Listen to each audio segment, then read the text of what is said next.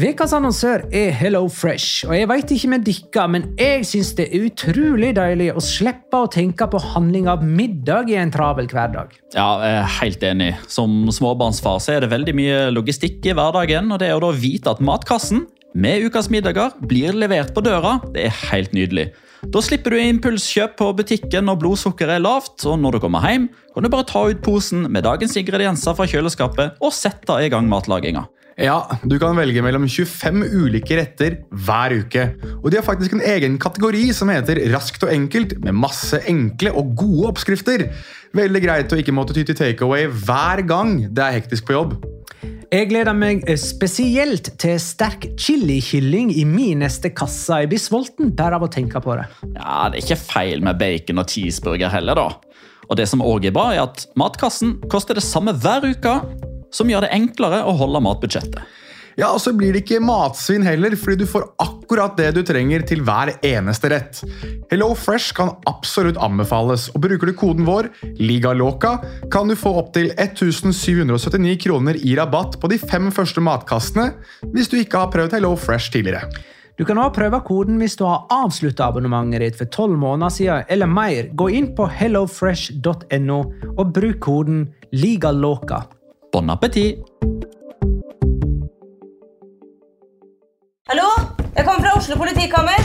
Ine Jansen er purk. Er du purk? The motherfucking bitch. Alt jeg vil, er å finne ut hva som skjedde med mannen min. Jon Carew. Er jeg sikta for noe? Iben Akeli. Det er du. Ole So, Lars Berrum og Big Daddy Karsten. Hvem sin side er du på, egentlig? Anette Hoff, Tone Danielsen, Kommer du fra Afrika? Jørnis Josef, Nesten. Kløfta. Trond Espen Seim. Det er synd å si det, men det var feil mann som døde. Purk. Premiere tirsdag på TV2 Play.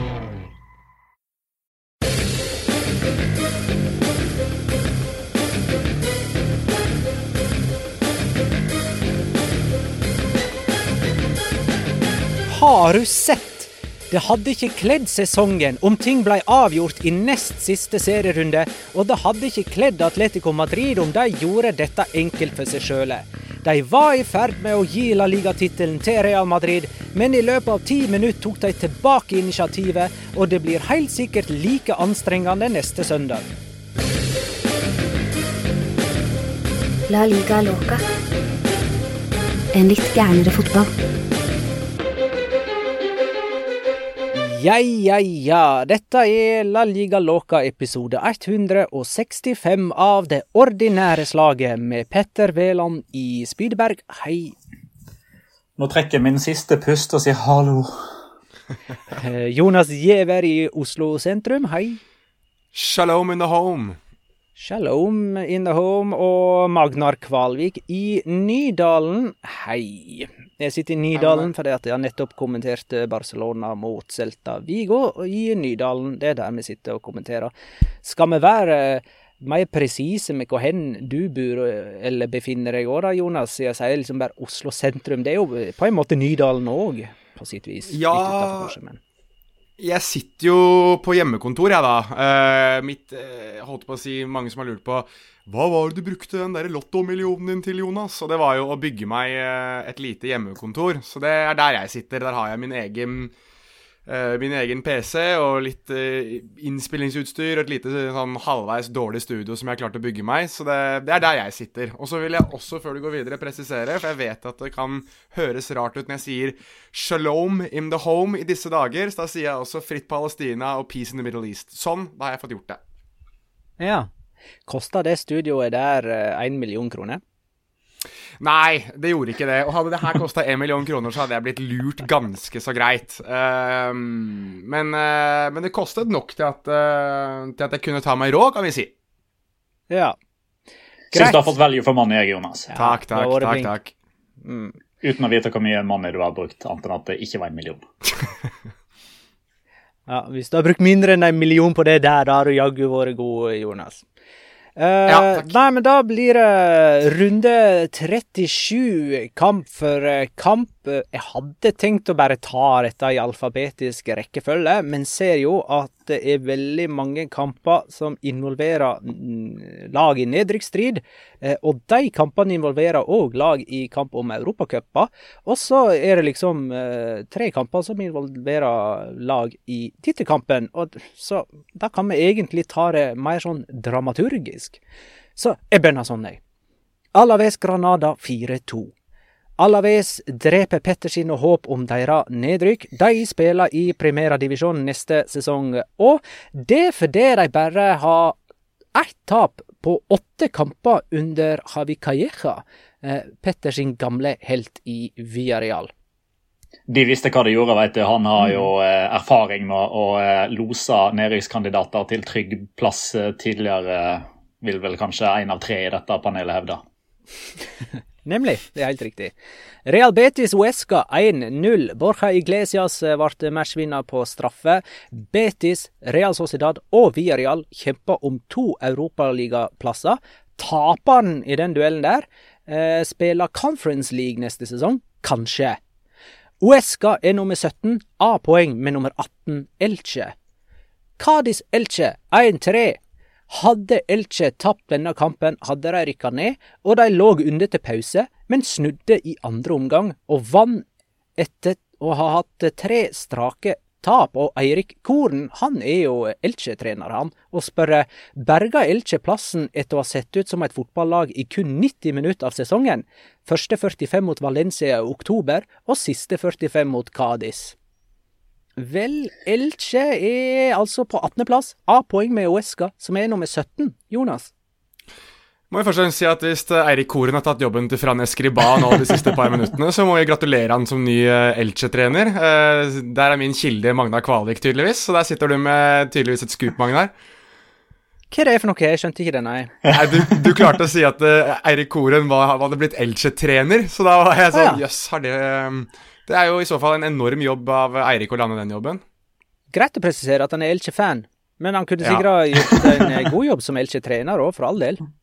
Ja, jeg har eh, faktisk eh, hatt litt korrespondanse med han eh, i kveld etter Korrespondanse? Korrespondanse. Og der er det veldig god stemning i heimen eh, nå eh, søndag 16. mai, og så skal han f- leve litt på den eh, til neste helg, slik jeg forsto det. Altså, det er jo Det hadde jo vært helt enormt, da, hvis Elche klarer The Great Escape her. Altså, de har jo vært et av de, eh, et av de lagene som man har ansett som nesten nedrykket en periode nå, og så nå skårer jo Peremia strengt tatt to helt identiske mål, der det ene er offside og det ene blir gitt. Um, og, og jobber seg vel egentlig til en fantastisk uh, seier her, altså spesielt den den andre omgangen syns jeg de er veldig veldig gode. Um, jeg fikk, eh, fikk faktisk Jeg var sånn som satt og rullerte litt og så på de ulike kampene på telefonen litt sånn i strekk, mens jeg også hadde eh, sånn goal-varsel som eh, Strive tilbød på PC, og så hadde jeg Atletico-kampen på skjerm.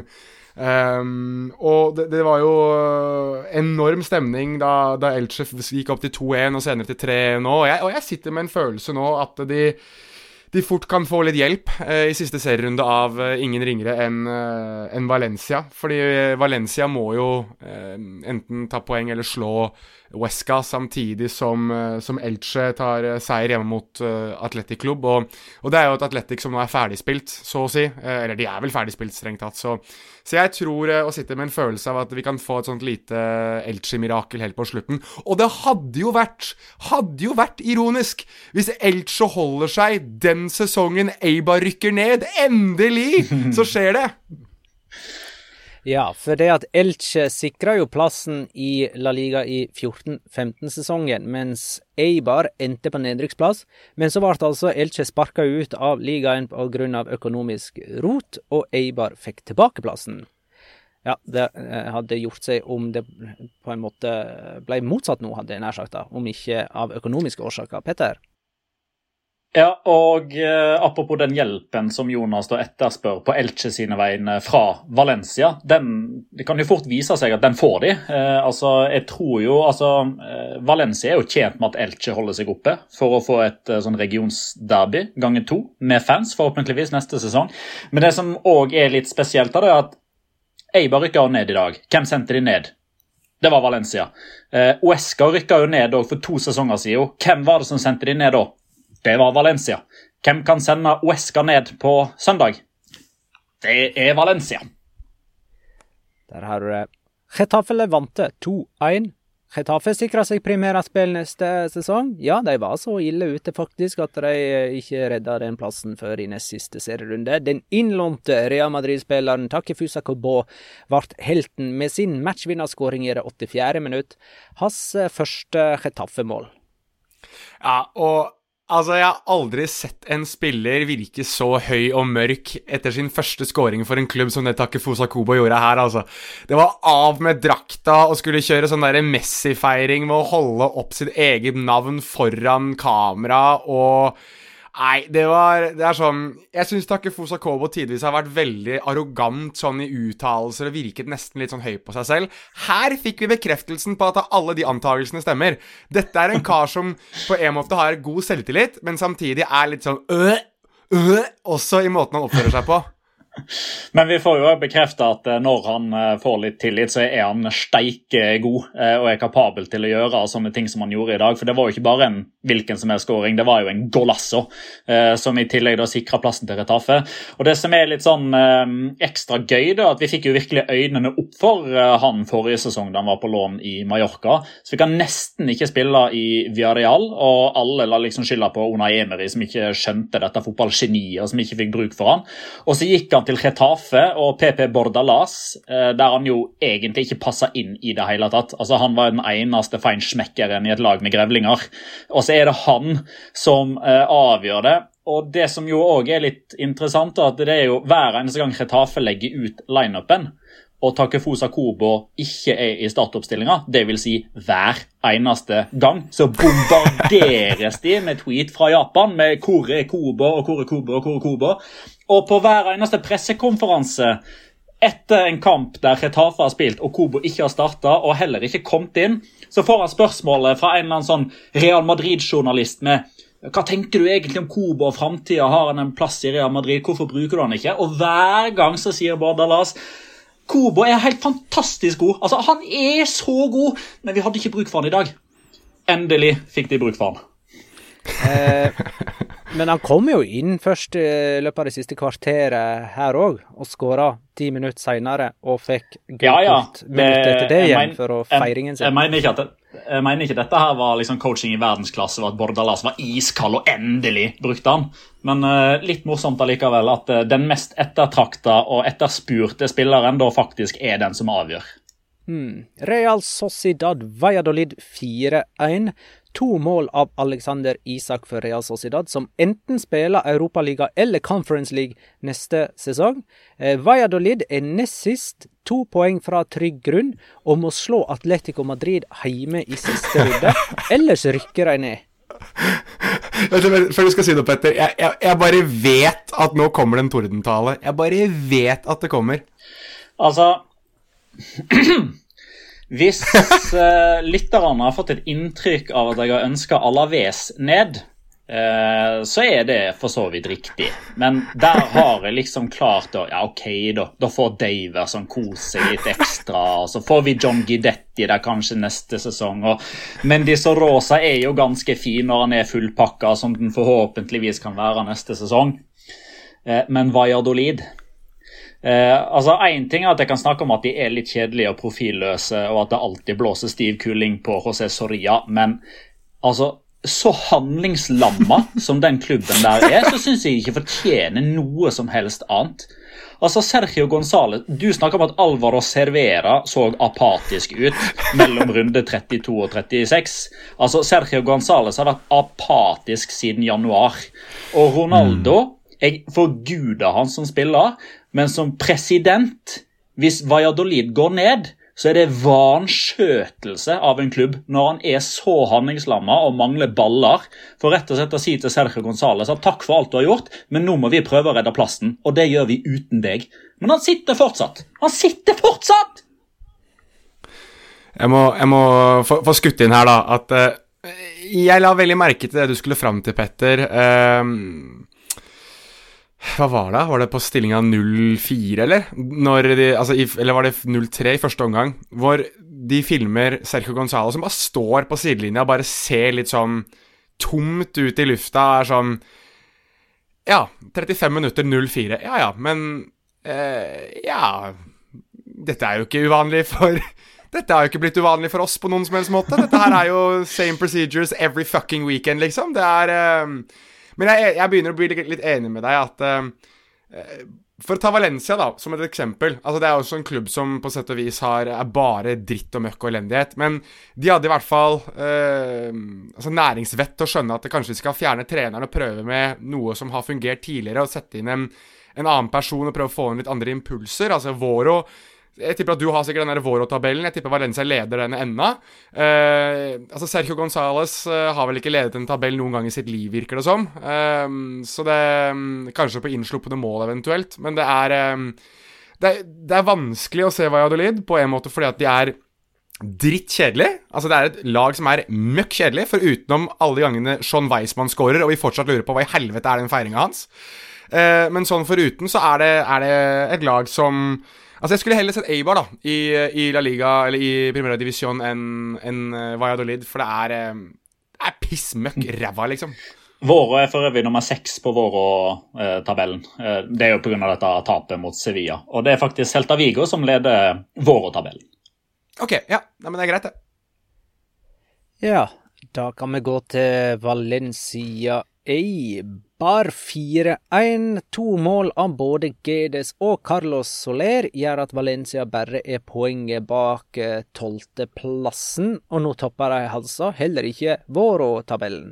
Eibar er sist på tabellen, tre poeng fra trygg grunn, men av innbyrdes oppgjør er det ingenting som kan redde dem, og Eibar er dermed ikke lenger blant laget som aldri har rykka ned fra primærdivisjon. De spiller i Segunda neste sesong, med mindre et av de overlevende lagene blir kasta ut av primærdivisjon av økonomiske årsaker, f.eks. Barcelona. Eller kanskje noen skal spille i Superliga i stedet, eh, f.eks. Barcelona. Mm, Jonas? Nei, jeg tenker jo at uh, det blir jo selvfølgelig slik at uh, Levante hjelper Valencia nå i siste serierunde, og de kommer til å slå Cádiz, og så vinner da Uh, forhåpentligvis, holdt jeg på å si, i hvert fall for uh, Eirik Horen sin del, Valencia over Huesca. Så får man da Elche værende i, i, La Liga. Samtidig som da Valencia tar tolvteplassen, som jeg hadde spådd, som er det viktigste for Valencia denne sesongen her nå. Den evige tolvteplass.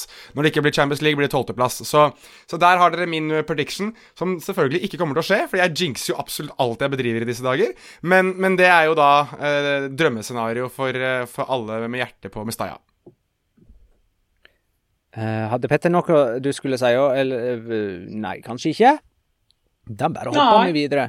Nei. Uh, Villarreal Sevilla 4-0. Jeg si.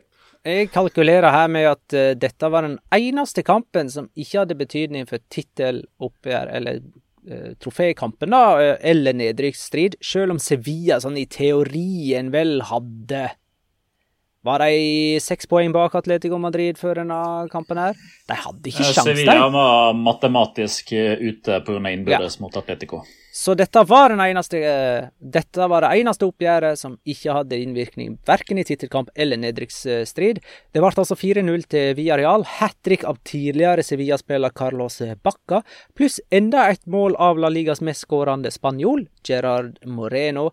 Uh, Villarreal kan altså ende på Conference League-plass og likevel spille Champions League neste sesong.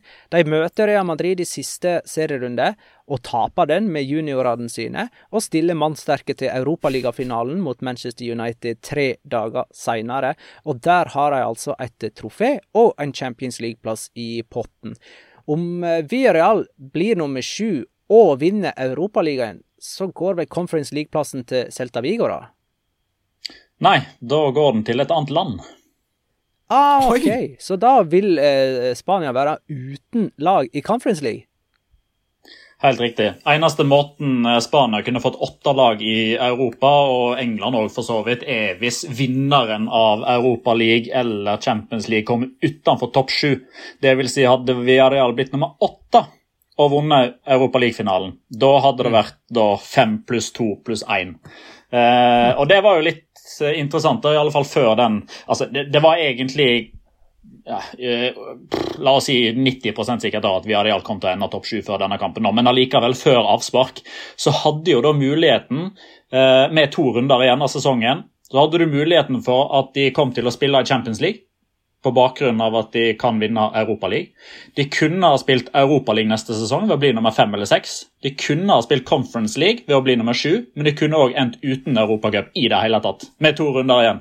Så der er det vanskelig å planlegge. Det som òg var litt interessant med akkurat den kampen her, i tillegg til det du trekker frem, eh, Magna, med at Carlos Bacca skåra hat trick mot sin tidligere klubb, det var jo at um, Una Emeri hadde nok òg litt ekstra lyst til å slå Sevilla denne kampen. her. Og det er jo ikke pga. at det er noe vondt blod mellom Emeri og Sevilla. Snarere tvert imot. Han er jo fortsatt en helt der på bakgrunn av de Europa League-trofeene han tok. Men det som òg er interessant, er at Sevilla sin poengrekord den er på 76 eh, fra en av de sesongene Unai Emeri var trener. Og for at den skal bli stående, så måtte Sevilla tape i dag og de må da heller ikke vinne mot Alaves, for de står på 74. Så han har jo da vært ute etter å sørge for at hans rekord i Sevilla ble stående. Mm. Fantastisk. Men eh, da er det på tide å eh, bli alvorlige her. Uh, Barcelona, Celta Vigo 1 To. Messi sendte Barcelona i ledelsen. Santimina utligna før pause. Etter pause ble Longley utvist mens Barcelona jakta seiersmål, og så skåra i stedet for Santimina igjen, helt på tampen, og Barcelona de blir i beste fall nummer tre denne La Liga-sesongen. Eh, de kan dessuten bli nummer fire. Atletic Klubb Real Madrid 0-1. Nacho Fernandes matchvinner for Real Madrid. Eh, og Atletico Madrid Osasona 2-1. Osasona tok ledelsen i det 75. minutt. Atletico snudde det, og vi får vel ta mer om det, Nora. Skal vi se, sjå, hvem trodde egentlig på at Atletico Madrid skulle snu oppgjøret mot Osasona etter at Bodimir skåra kvarteret før slutt? Var ikke det den ultimate kollapsen vi lenge så komme? Det hadde vært den ultimate kollapsen noen har sett komme. Eh, men noen har jo sagt at dette her ligner så utrolig mye på 13-14-sesongen. Og at Atletico Madrid vinner ikke noe som helst enkelt ikke engang kampen mot ferdigspilte Osasona i runde 37 kommer de til å vinne enkelt. De kommer heller ikke til å vinne enkelt mot Valladolid i runde 38. Men de kommer til å bli seriemester etter at Simen Versalico skårer fra egen banehalvdel på overtid. Alle veit jo det. Så du, så du, anså her da at den, den Ante Bodimir-skåringa, det var typ eh, Toby Alderweireld fra 13-14 mot Malaga, liksom? Var, var liksom det derre skjæret i sjøen de trengte, eller? Ja, det var baklengsmålet som de fikk mot Malaga. Da trengte de å skåre ett mål for å ha ting i egne hender foran siste runde. Denne gangen trengte de to, og da fikk de det. Ja. Altså, Dette er ferdigskrevet. Manus er ferdigskrevet. Vi bare lever i en verden der alt er bestemt. Atletico blir seriemester. Ja, for det er, det sånn Truman Show. Uh, umulige ting skjer da. Altså, Renan Lodi skåra jo til og med for Atletico Madrid når det, når det plutselig gjaldt. Skjønner du, eller? han skåra sitt første mål for sesongen da han utligna for eh, Atletico. Uh, Luis Suárez skåra Det var hans 20. for sesongen, var ikke det det? Uh, og sørga for at Atletico fremdeles har tittelen i egne hender. Og han skåra omtrent samtidig som at gamleklubben slapp inn sitt andre mot Celta Vigo, og dermed Max blir uh, nummer uh, tre. Og, mm, da, da, har vi den overgangen der igjen. Luis Suárez fra Barcelona til Atletico. Ja, vi har det. men jeg, vi må nesten ta det litt, syns jeg. For dette har blitt en sånn der recurring theme i, i La Liga, spesielt for Atletico Madrid sin del. Altså, de har noen omganger, spesielt den første omgangen her, hvor de er altså så enormt gode. Altså, det er sjanse på sjanse på sjanse. De spiller den beste angrepsfotballen jeg har sett under Diego Simione eh, i Atletico Madrid. Men de får bare ikke den scoringen. Og dette her, dette her var Levante-kampen all over again. Da var det Dani Cardenas som eh, lukket igjen buret. Her var Sergio Herrera Ikke like ekstrem som det Cardenas var da, men, men veldig god åkkesom. Men, men, det de klarer her, er å snu oppgjøret, da. Altså der, eh, der de på en måte slapp inn og aldri klarte å, å få hull på byllen sist, så, så, ser det ut som de har vokst litt, og at de kanskje klarer å leve litt i, i de vanskelige stundene. Og det kan jo være at den eh, disse to vannpausene for eksempel, har hjulpet dem litt med at Simione kanskje får roet de litt ned. Så jeg syns det var veldig rart at de hadde, først og fremst. Jeg vet ikke om det var noen som ja, Hvorfor hadde de en drikkepause? På grunn av det, så, var det så varmt i Madrid? Ja, det er regel, det. 28 pluss, så er det um, drikkepause. Ok. Ja. Det hadde de ikke i Barcelona, men der var ikke det så varmt heller, da. Nei, nei men, uh, men, jeg synes uansett at det, det, viser jo at det bor en mester i dette Atletico Madrid-laget. Og så var det litt det Luis Suárez sa jo noe som var litt interessant. Nå har jeg ikke sitatet for meg, men jeg leste det i stad etter kampen, hvor han sa sånn ja, altså de sier jo, sa jo til meg da jeg kom til Atletico Madrid at ja, her skal man jo lide litt, da, men skal vi virkelig lide så mye, liksom? Er det så li mye lidelse å spille den, den klubben her? Så, um, så, han er tydeligvis uh, litt sånn som Petter. Han har fått med seg memoet. Han, han vet litt hvor det går hen. Det skal gjøre litt vondt, det skal være grusomt, men til syvende og sist så skal det, i hvert fall denne sesongen, ende godt for uh, Atletico Madrid i ligaen, virker det som. Det, det som dog er den der uh, plot-twisten her, da, er jo at uh, i og med at absolutt alt da tyder på at Atletico Madrid kommer til å bli seriemester, basert på det som vi sa for litt siden Um, Plot-twisten her er jo at uh, Atletico Madrid har gått inn i siste serierunde som serieleder ni ganger. Og vunnet ligaen alle ni gangene. Den tiende gangen som det ikke kommer til å skje eventuelt, er jo selvfølgelig i 2021-sesongen. Men har ikke du nettopp sagt at de kommer til å gjøre det? Jo, selvfølgelig gjør de det. Selvfølgelig gjør de det, Men et eventuelt plot twist er jo at det umulige sesong altså Da skjer det, da, at den tiende på rad Nei, nei, nei. nei. Er det, er, det, er det, blir litt sånn som det at uh, Atletico Madrids la decima skjer ikke, mens Real Madrids la decima skjedde mot Atletico Madrid? Er det liksom litt der vi setter det? Ja, for eksempel. Ja, ok. Uh, og altså, de har toppa La Liga før siste serierunde ni ganger og vunnet samtlige.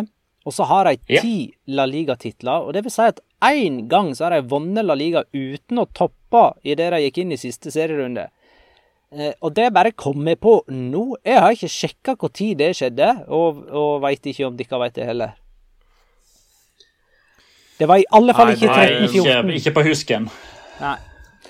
Uh, og det, jeg tror ikke det var i 95-96 heller. Jeg mener nei, nei, nei, det toppa da òg.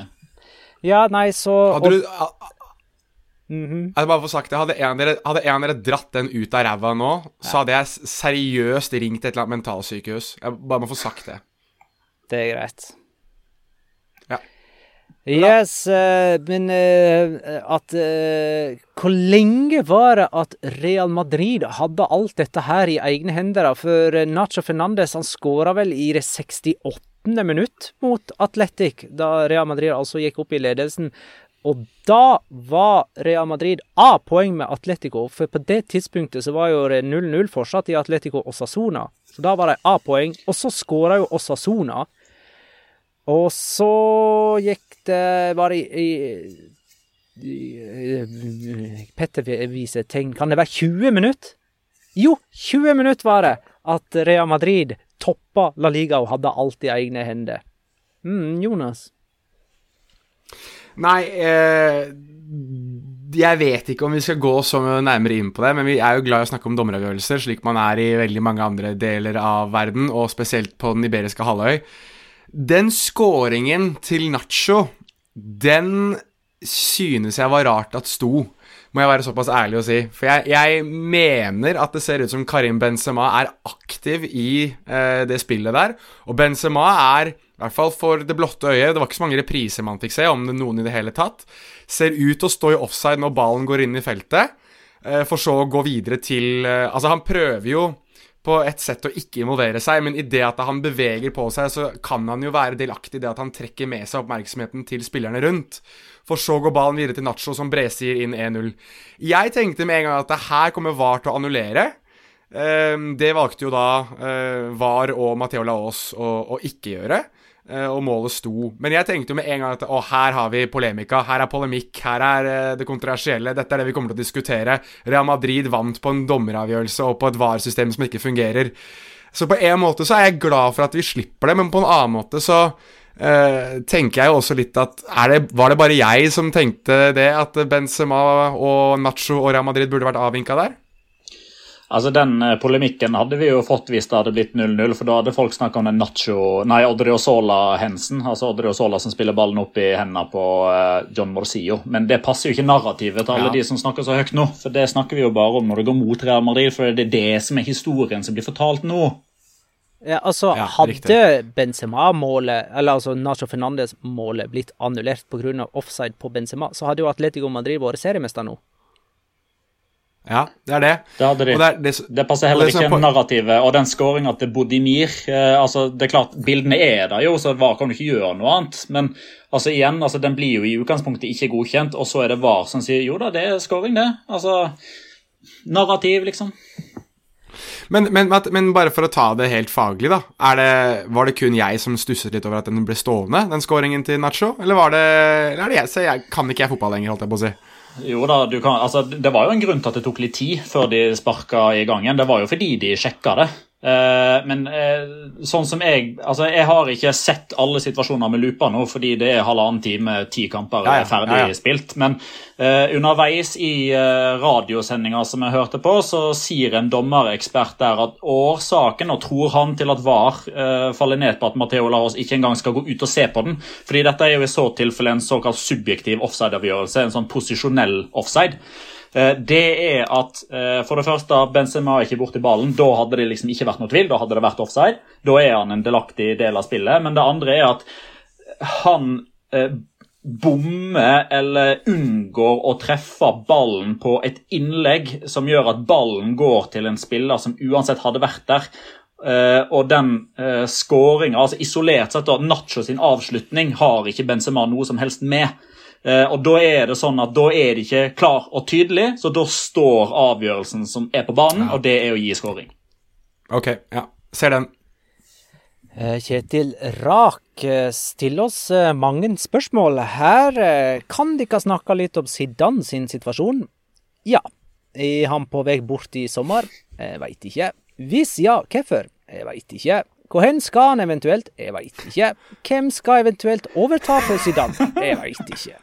Men vi kan jo kanskje eh, svare grundigere enn som så på disse spørsmålene. Eh, for det går jo eh, Altså, nyheten i Spania går jo på at eh, Zinedine Zidane har allerede meddelt sine spillere at han er ferdig i Real Madrid etter denne sesongen, selv om han har én sesong igjen. Og det har han jo selv besvart nå. Han ble jo stilt spørsmål, og det har Marca vel, om han hadde sagt det til spillerne, at han var ferdig. Og da sa han at eh, Altså, hvordan kan, jeg, hvordan kan, jeg, meddele noe sånt til spillerne mine nå? Jeg er jo i sesong, vi kjemper jo fortsatt om en ligatittel. Dette er jo ikke en samtale vi har hatt, dette her er jo ikke noe som stemmer.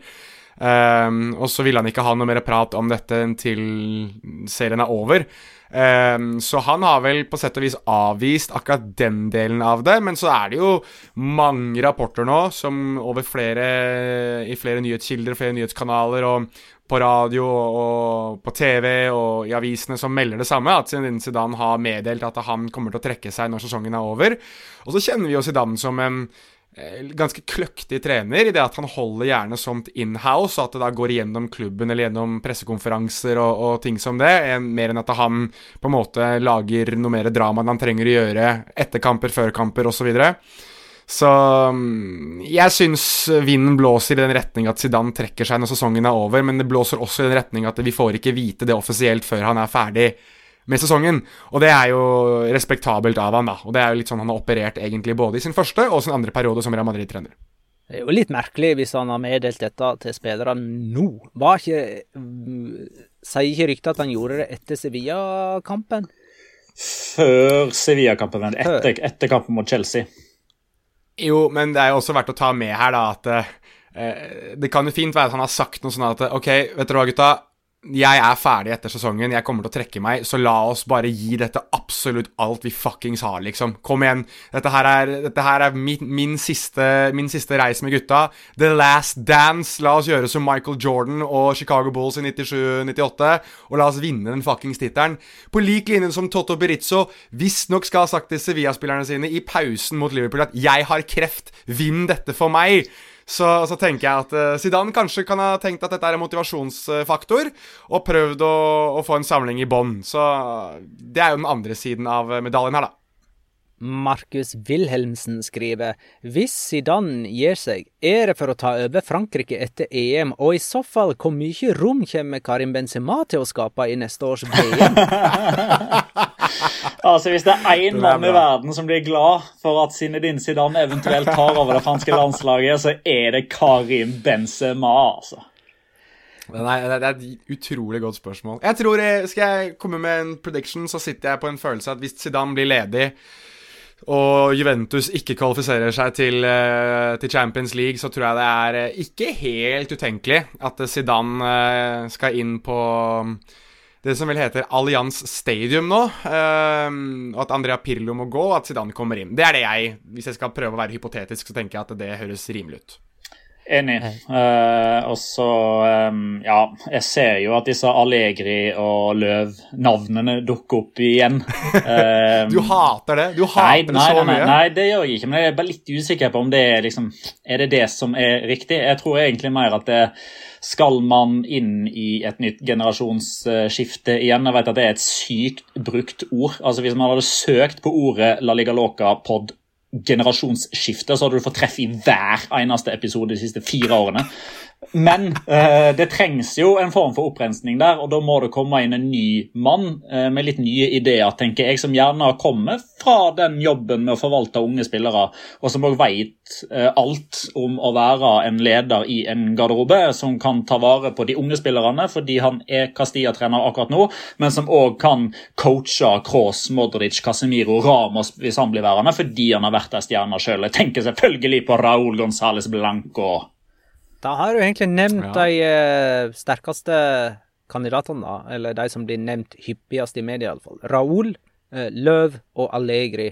Som, uh, Men jeg ser jo at Raoul nå blir nevnt ganske ofte i Tyskland i forbindelse med Frankfurt-jobben.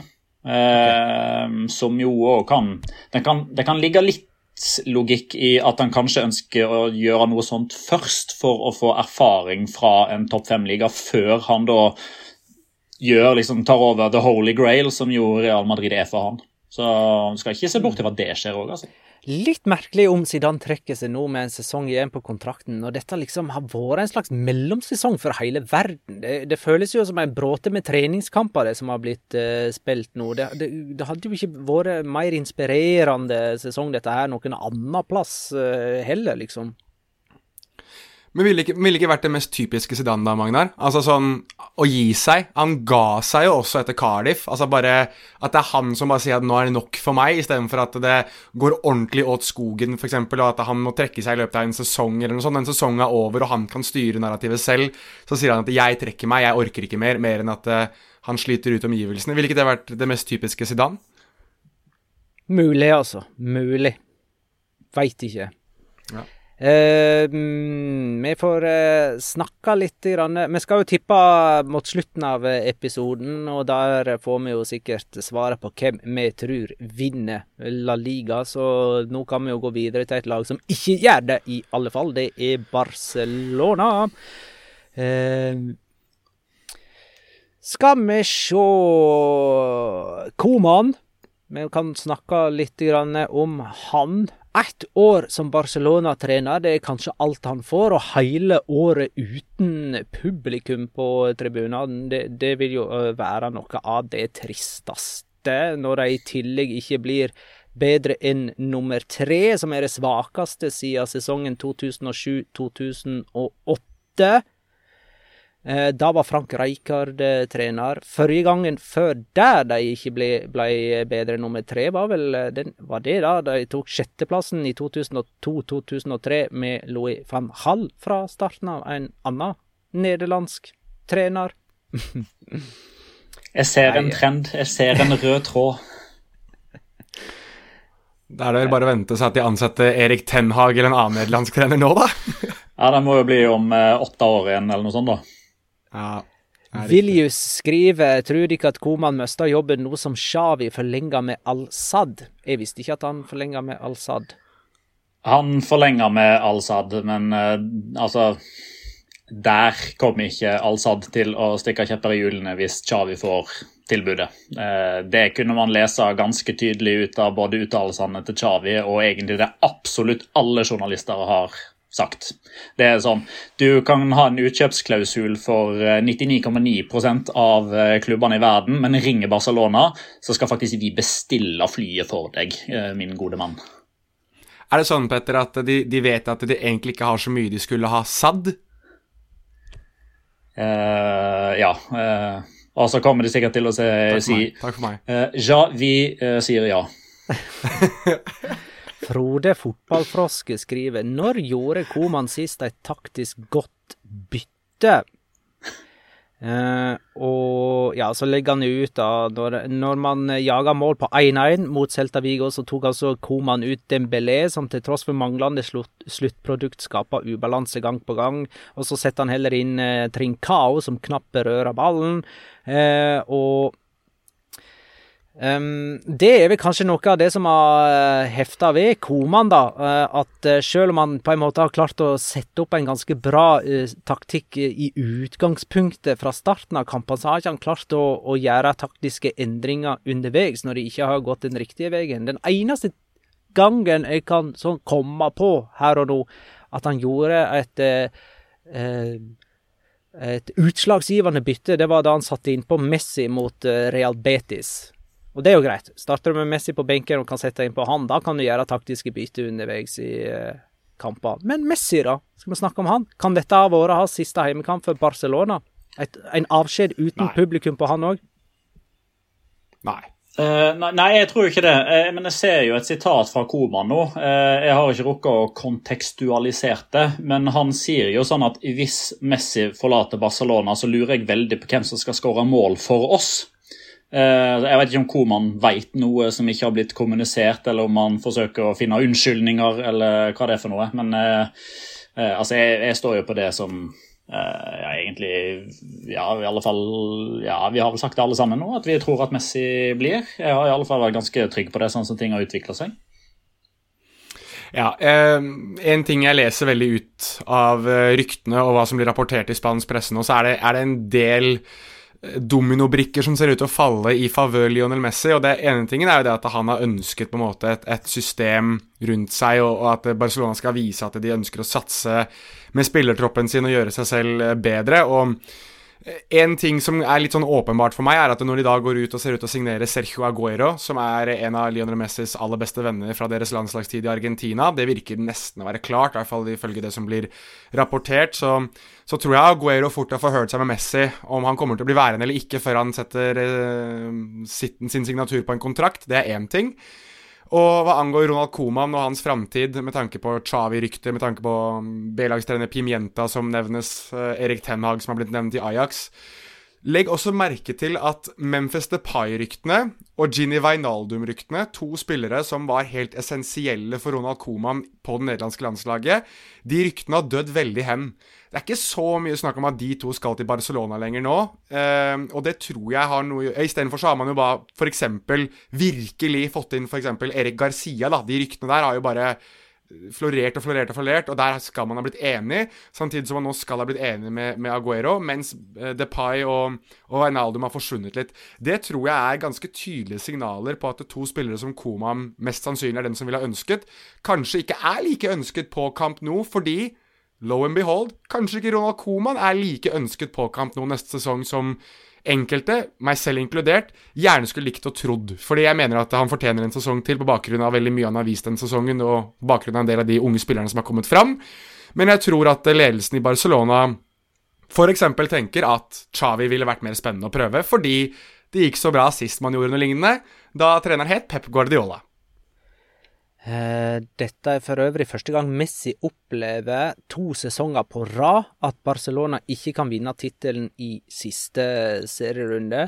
Eh, og det vil være første gang siden 06-07 og 07-08 at Barcelona går to strake sesonger uten å vinne La Liga.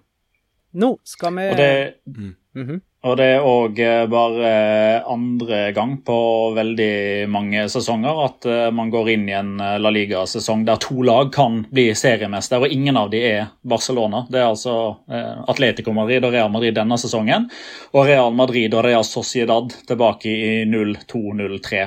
Eh, og den 02-03-sesongen er jo på mange måter den, der, den store sånn fiaskosesongen som alle Barcelona-supportere har snakka om.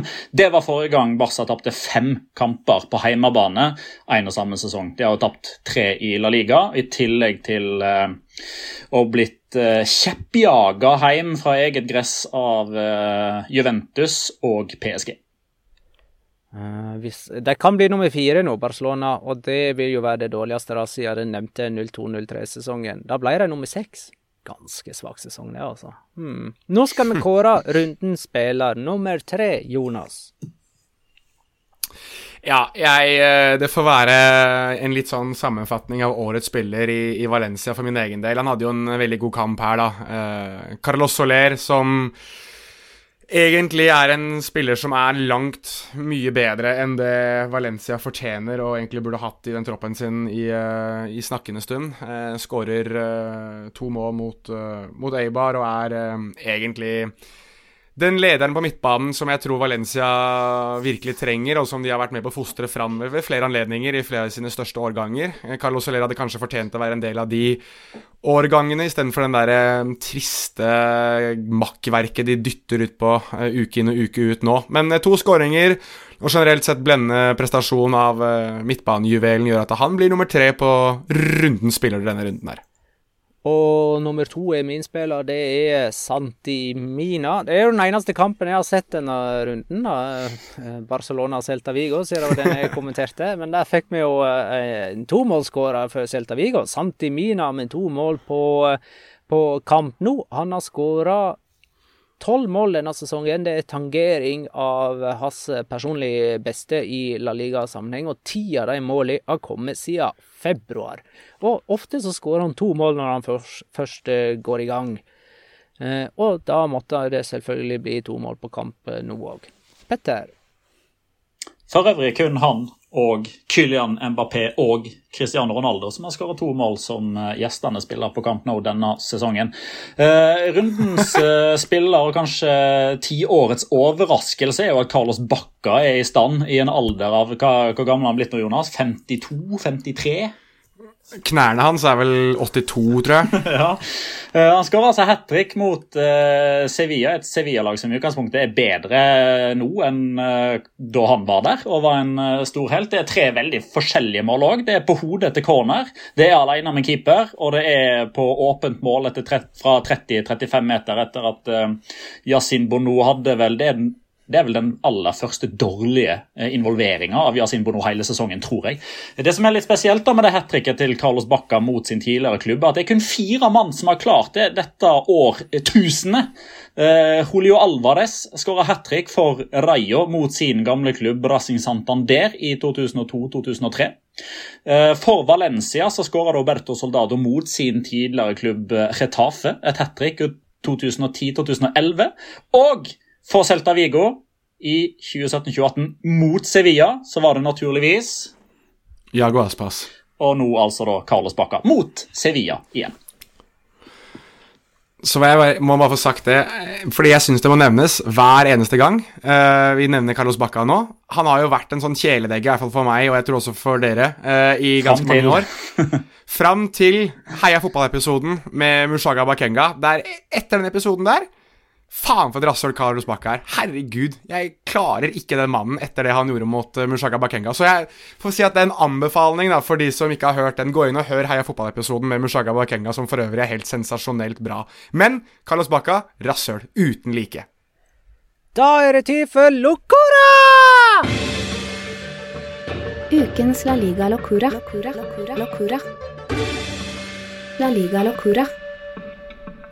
Petter skal få lov til å begynne i dag. Eh, Ja, jeg kan begynne. Um, uh, og da skal jeg ta det fra kampen mellom eh, Atletic og Real Madrid. Uh, for der uh, skjedde det litt av hvert.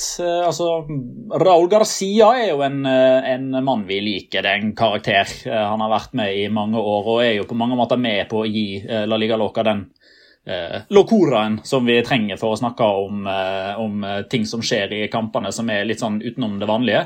Eh, I dag så klarte jo han å snakke på seg et direkte rødt kort. Eh, det i seg sjøl er jo ikke så unormalt. Det har skjedd med åtte forskjellige spillere denne sesongen, her, hvis jeg ikke husker helt feil. Det som dog er litt spesielt, er at han i det motsatte oppgjøret klarte å få to gule kort i løpet av åpningskvarteret. Så han har da altså blitt utvist både hjemme og borte mot Real Madrid denne sesongen. Men i mellomtida så skårer han jo både 1-0 og 2-0 i Supercopa-finalen, som de vant mot, mot Real Madrid.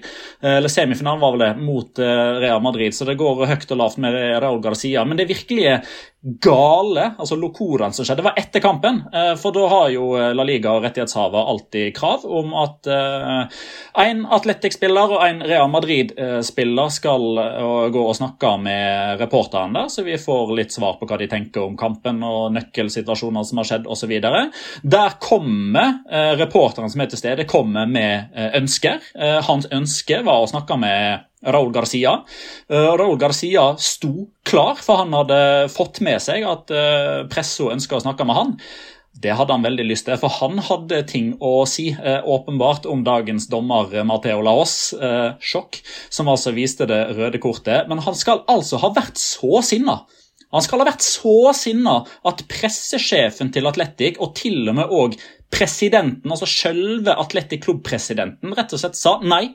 Det får du faktisk ikke lov til. Ja, du har 1070 kamper i La Liga, du har 29 års erfaring, men nå kommer du til å si ting som gjør at du kommer til å bli suspendert i mange måneder. Det får du faktisk ikke lov til. Han fikk ikke lov. Nei. Eh, Jonas? Du har to fingre Jeg kan i vel Ja, jeg vil egentlig komme med en kommentar, for jeg, jeg vil viderebringe et spørsmål til Petter, som jeg så at vi har fått uh, på kontoen vår. Uh, jeg, jo, det- jeg er jo ikke større enn jeg syns det er spennende å høre eh, Halvor Egne Granerud eh, lurer litt på hva fikk Raúl Garcia og Inigo Martinez gult for da Laos plutselig stoppet spillet etter 80 minutter, Petter? Fikk du med deg det? Uh, fikk de gult etter 80 òg? La meg gå inn og se her i kamprapporten. Uh, kan- Da har de antageligvis eh, slengt litt med lepper, da, antageligvis. Men Raúl Garcia fikk altså direkte rødt. Uh, men da har han fått gult fra før av, i dag, i så fall. Ja, for du snakket om direkte rødt, og da lurte jeg på om det var, eh, Ja, han, noe som han, hadde fikk, han fikk direkte rødt for munnbruk. Eh, Det som står i kamprapporten, eh, var at både Inigo Martinez og Raúl Garcia naturligvis fikk for protester. Det var Så rett og slett var han bare dri drittlei hele Raúl Garcia, basically. Og la meg bare si, i dag så har Mateo Laos blitt den første La Liga-dommeren gjennom historien som har gitt Zinedine Zidane gult kort for protester. Det skjedde på overtid. Eh, men det er en spiller til som har blitt utvist mot eh, samme motstander to ganger, og det er Clément Longley som fikk rødt kort mot Celta Vigo mens Barcelona jaga eh, seiersmål på kamp nå. I stedet så skåra altså Santomina i motsatt ende. Clément Longley han eh, ble òg utvist eh, i det motsatte oppgjøret på Balaidos, og det var før pause. Og likevel så vant Barcelona den kampen eh, 3-0, og Longley har jo vært hakkekylling gjennom hele denne sesongen i Barcelona-forsvaret, og da er det jo litt typisk at han fucka opp i det som blir kampen som eh, avgjør at Barcelona ikke kan vinne La Liga i siste runde. Jonas? Ja, øh, jeg tar en av øh, La Ligas kjæledegger, jeg, da. Og jeg holdt på å si bamsefar selv. Eh, Borja Iglesias er jo kalt Pandaen. Primært sett vel, Petter, av en, øh, en rappsang som heter øh, Panda av Designer, som øh, var veldig populær for noen år siden. Da var jeg eh, spanjolspiller. Da var jeg spanjolspiller, stemmer.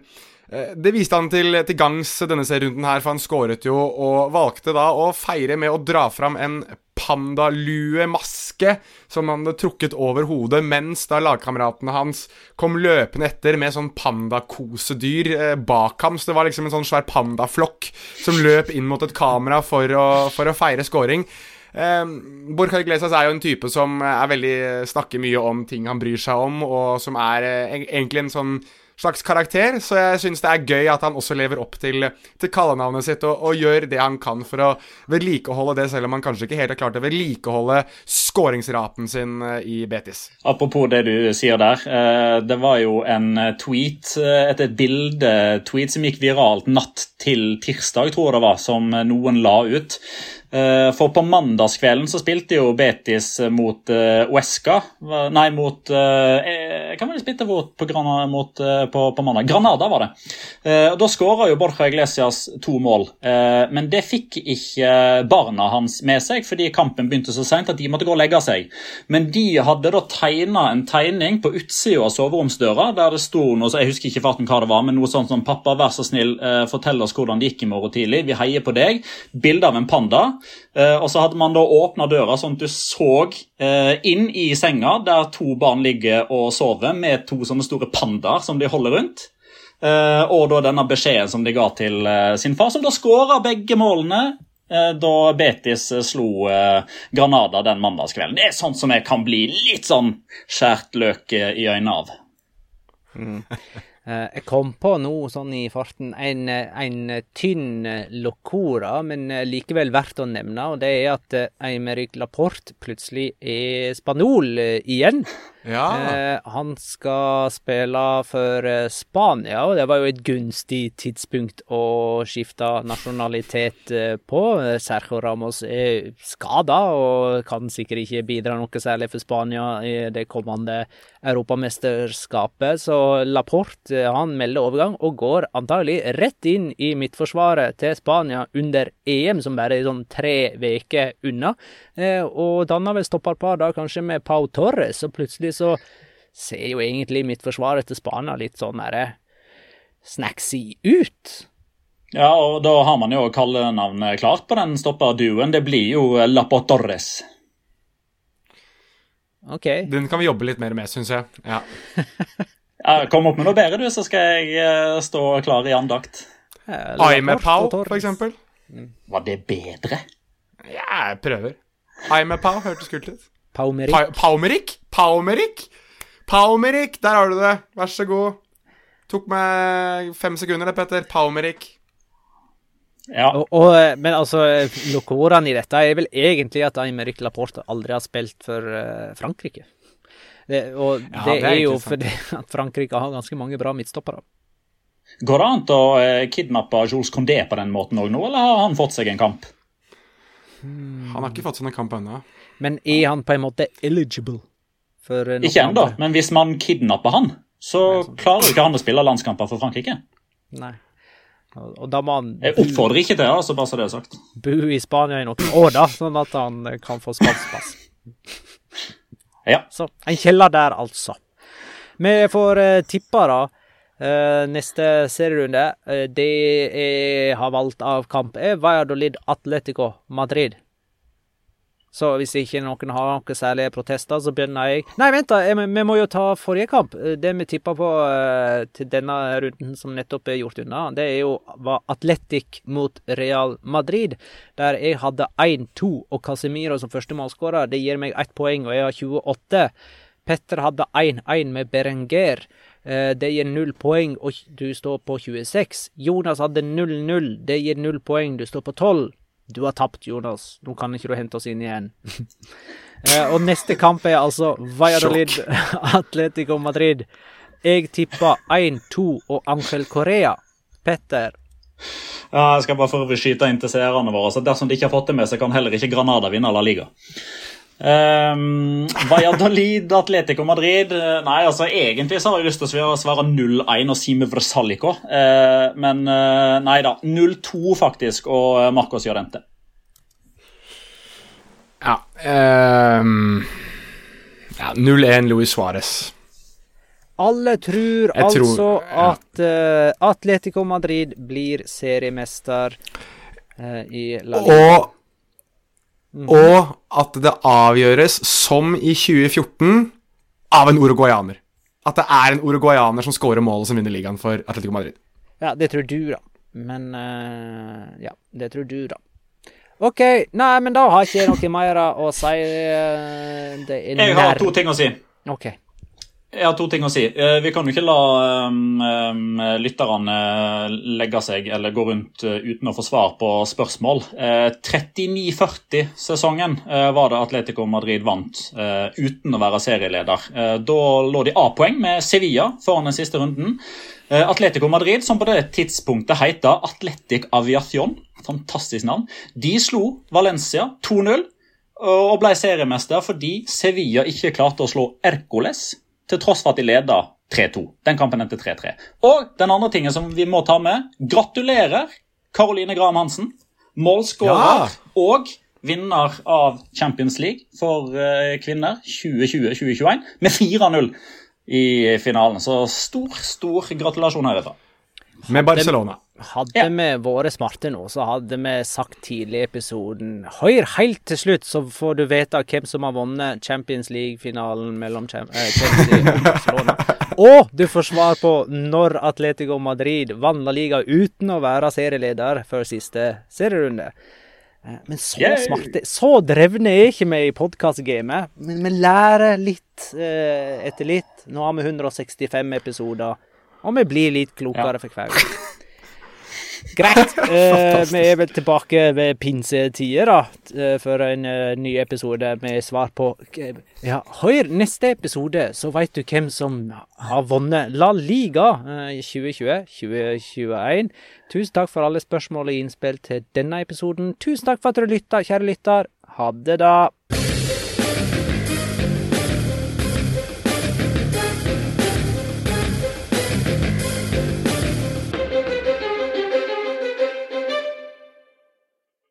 Har du et enkeltpersonforetak eller en liten bedrift? Da er du sikkert lei av å høre meg snakke om hvor enkelt det er med kvitteringer og bilag i fiken, så vi eh, gir oss her, vi.